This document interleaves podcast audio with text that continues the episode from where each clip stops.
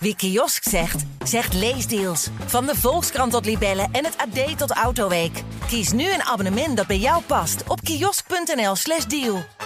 Maandagmorgen 23 februari 1981 tegen 7 uur begon de ontruimingsoperatie. Essentiële onderdelen van die operatie vormden het van Krakers zuiveren... Want ik heb in, echt één hele beleidsfout gemaakt. Dat is om in een te vroeg stadium, niet beschikkende over alle relevante informatie, heb ik de gemeenteraad een nota doen toekomen.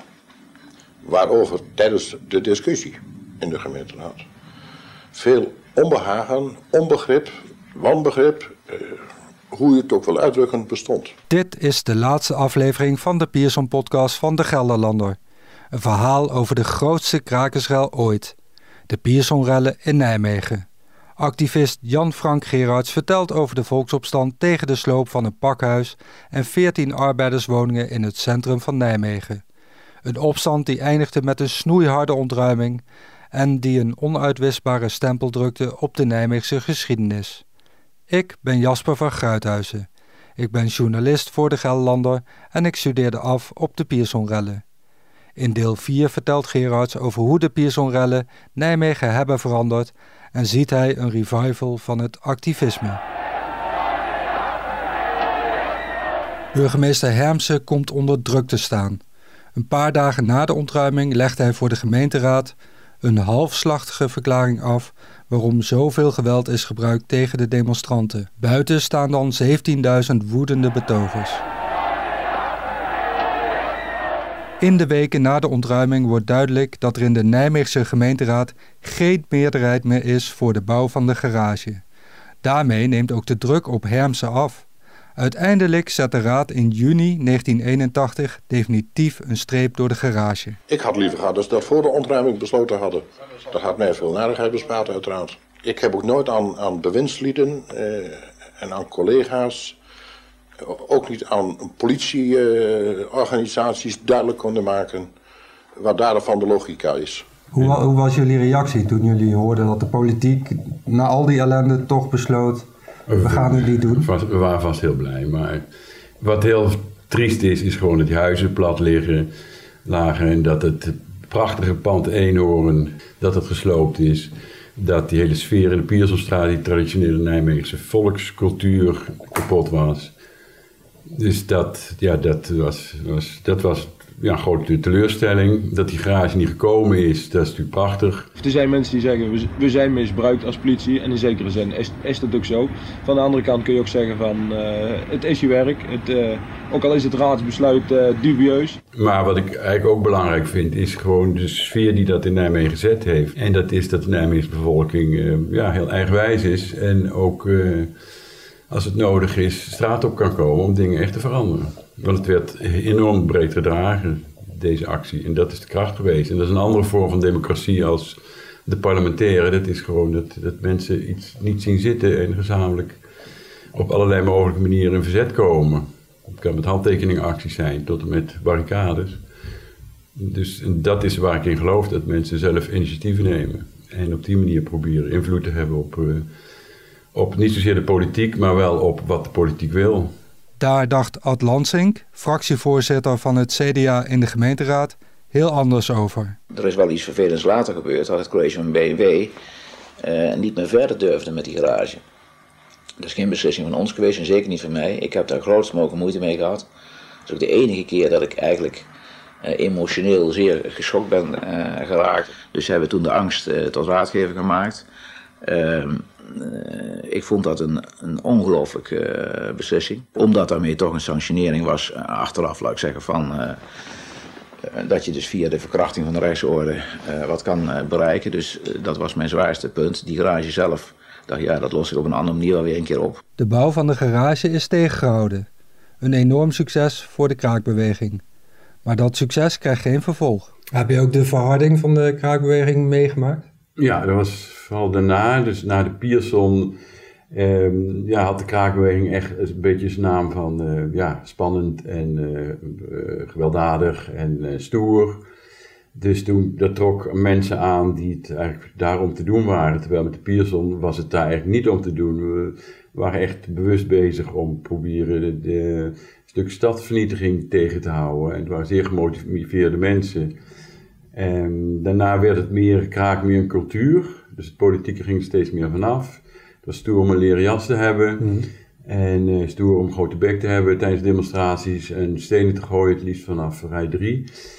En dan gauw weg te rennen. En dat heeft de scene wel een beetje, een beetje kapot gemaakt. En mensen die uh, met Pierson echt actief waren, die zijn daar ook uh, ja, nogal gefrustreerd over geraakt. En veel zijn af, ja, af, hebben afgehaakt daardoor. Maar aan de andere kant hebben die activistische jaren 70 en 80 de stad wel flink veranderd vertelt Gerards. De sfeer in Nijmegen is wel anders, is progressiever geworden en dat is prettig. En het activisme is aan de andere kant ook weer gematigder geworden. Ja, dat is eigenlijk helemaal verdwenen. Of voor een groot deel. Ik bedoel, ik ben niet uit de kraakbeweging gestapt. De kraakbeweging is eigenlijk gewoon... Ja, ze is zelf bijna opgelost. En, uh, maar ja, wat ik, wat ik zei, ik ben... Uh, 85, de kraakbeweging die kakte eigenlijk een beetje in. En ik ben toen... Uh, ontwikkelingswerk gaan doen in Midden-Amerika. Ik heb bruggen gebouwd, dus scholen gebouwd. Het was een geweldige tijd om met die mensen te werken. En dat, uh, dat heb ik jarenlang gedaan. Maar van activisme was toen eigenlijk weinig sprake. Ik heb het allemaal wel gevolgd. Ik ben op demonstraties geweest. En uh, ja, ik heb er zijn nog wel wat dingetjes gebeurd.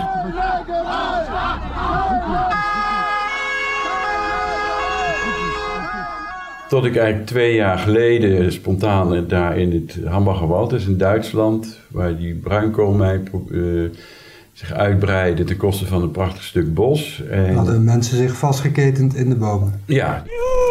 Wir von Ende Gelände äh, sind hier zwar immer noch gekesselt und sind mit unserer Mission, die L277 zu blockieren, friedvoll, äh, nicht durchgekommen. Aber gerade kam die Nachricht rein, dass eine Kleingruppe von Fridays for Future AktivistInnen den Kohlebagger in Garzweiler besetzt hat. Also steht er jetzt still. Dus ik kwam daar en ja, ik stond maar open bek te kijken. Joh, 6000 jongeren. En daarvan de grote meerderheid vrouwen die met een bevlogenheid, een betrokkenheid en, en, en een lol eigenlijk daar actie aan het voeren waren. 6000 rennen door de weilanden met de politie achter zich aan om daar ergens een spoorlijn te gaan bezetten. De hele nacht daar te zitten op die spoorlijn. En de volgende dag 10 kilometer moeten lopen naar het kampement.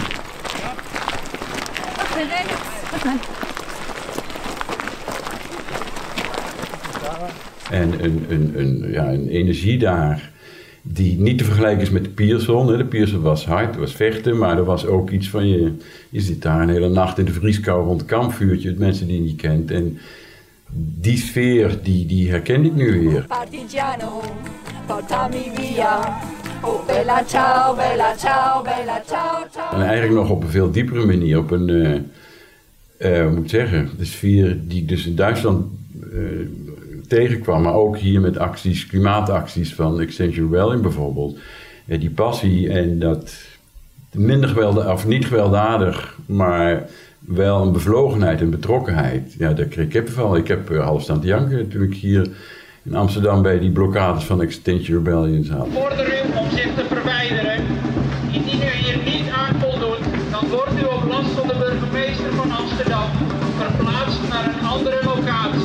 Politie en demonstranten van Extinction Rebellion stonden vandaag tegenover elkaar op de Zuidas. Althans, de politie stond en de demonstranten probeerden met zoveel mogelijk inachtneming van de anderhalve meter afstand zittend en liggend een kruispunt te blokkeren. Ja, ik durfde zelf niet in die blokkade te zitten.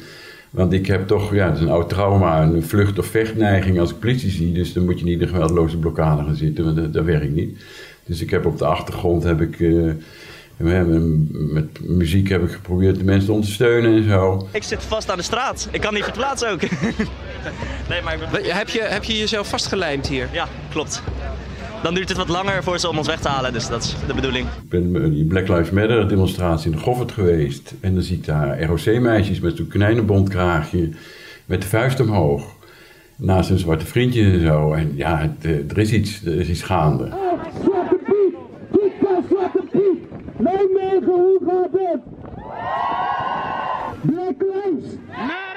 allemaal is er gaande? Weet ik niet. Iets groots onder jongeren. Ik kom eh, eh, dochters van vrienden die ik heb. En die staan zelf te kijken van hoe radicaal dat ze zijn. Hè, hup, van de ene dag op de andere veganistisch. En, en, en eh, ja, heel bewust. Het is eh, een beweging die ik niet zag aankomen. Wir werden wiederkommen, wir werden weiter für eine klimagerechte Welt kämpfen, wir werden weiter dafür kämpfen, dass die Abrissarbeiten beendet werden. Ähm, und wir werden nicht aufhören, bis aufgehört wird, Kohle abzubauen. Het is gerelateerd aan de milieuproblematiek.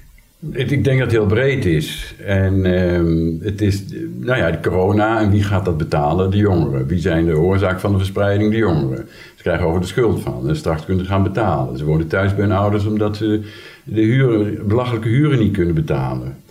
Ehm, wat krijgen we? Het klimaat. Ik bedoel, hè, weet je nog hoe heet het was? 34 graden hartstikke normaal.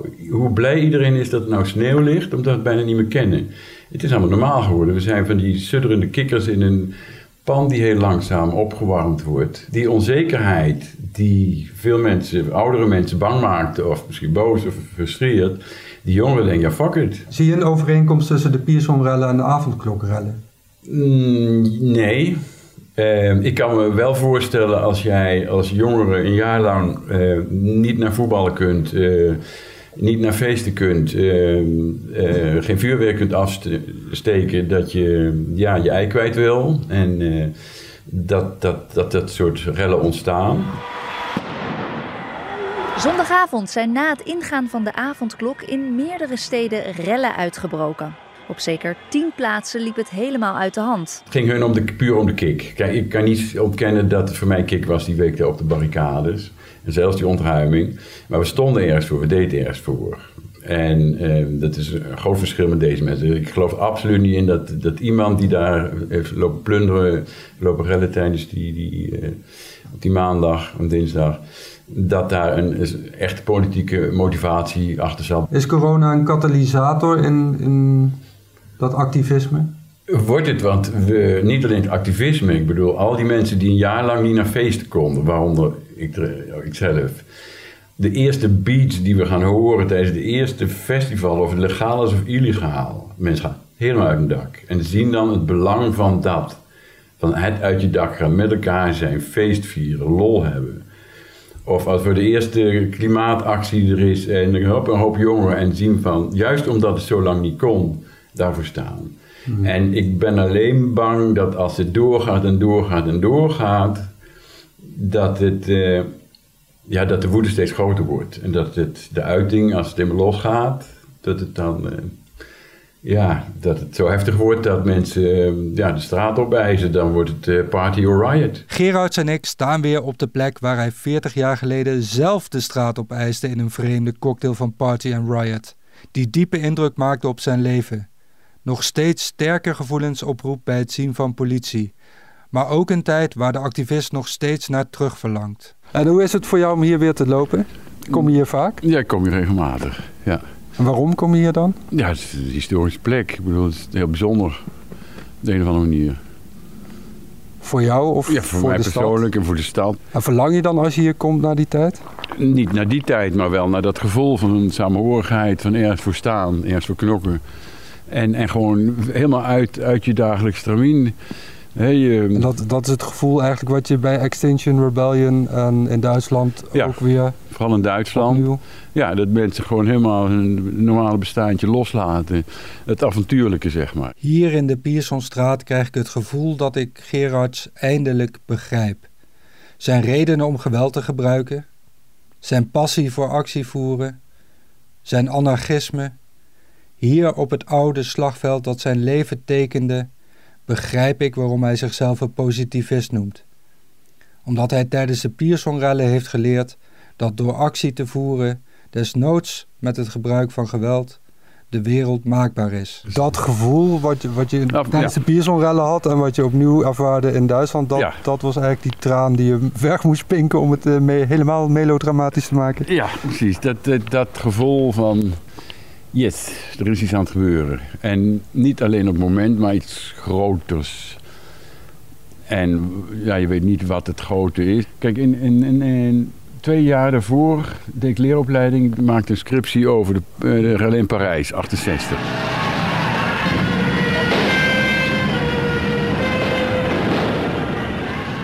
En ik zie al die beelden en ik oh, dat gaat hier nooit gebeuren. Nou, twee jaar later hebben wij de grootste barricade in Nederland sinds de Tweede Wereldoorlog opgebouwd. Dus je weet niet wat er gaat gebeuren. Je, je, voelt iets en zoiets voel ik, er gaan dingen gebeuren. Nou, je bent niet tevreden met, met de, de maatschappij zoals die nu is ingericht? Nee joh, jij wel? Het is een zootje, het is een verschrikkelijk zootje. Kijk, de hele corona-aanpak. De hele KLM die mag, eh, die wordt gesubsidieerd. En KLM zegt, kijk eens hoe geweldig luchtvaart is, want die mondkapjes die zijn niet zo snel. Hallo, dankzij die luchtvaart is die corona hier zo snel. En die, die politieke bullshit, dat, de, ja, dat uh, moet afgelopen zijn. En hoe het anders moet, weet ik niet. Wat ik wel weet is dat ik goed voor mij, mezelf moet zorgen. Goed voor mijn omgeving, mensen die in nood zijn helpen. En uh, ja, probeer een alternatief te creëren. Ja. En dat, moet, en dat zie je ook op grote schaal, alleen is dat niet veel zichtbaar. Mensen die bewuster met eten omgaan, met elkaar omgaan, met de natuur omgaan.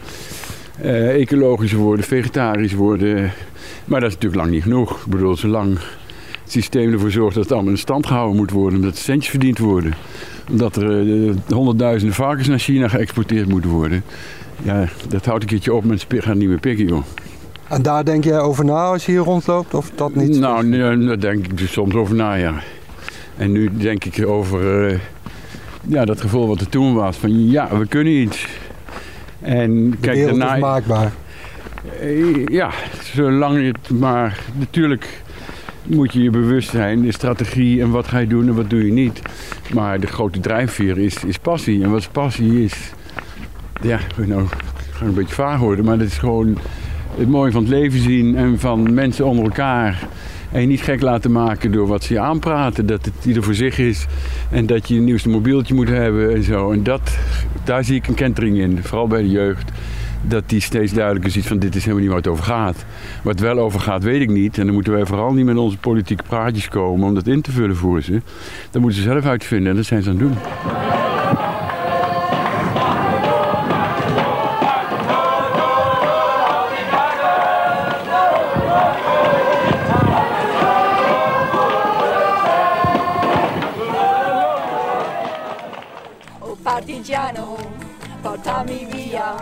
Ik hoop dat je met veel interesse hebt geluisterd naar de Pierson-podcast van de Gelderlander. Ben je nou enthousiast? Vertel het dan door. Deel de podcast op social media of laat een review achter. Ik wil Jan-Frank Gerards bedanken voor zijn verhaal en ik wil jullie bedanken voor het luisteren. We worden dagelijks overladen met overbodige informatie. En het is moeilijk de zin van de onzin te scheiden. Daarom vertrouw ik op echte journalisten in plaats van meningen. Een krantenmens heeft het gemakkelijk. Word ook een krantenmens en lees je favoriete krant nu tot al zes weken gratis. Ga snel naar krant.nl. Bezorging stopt automatisch en op deze actie zijn actievoorwaarden van toepassing. Wie kiosk zegt, zegt leesdeals. Van de Volkskrant tot Libellen en het AD tot Autoweek. Kies nu een abonnement dat bij jou past op kiosk.nl/slash deal.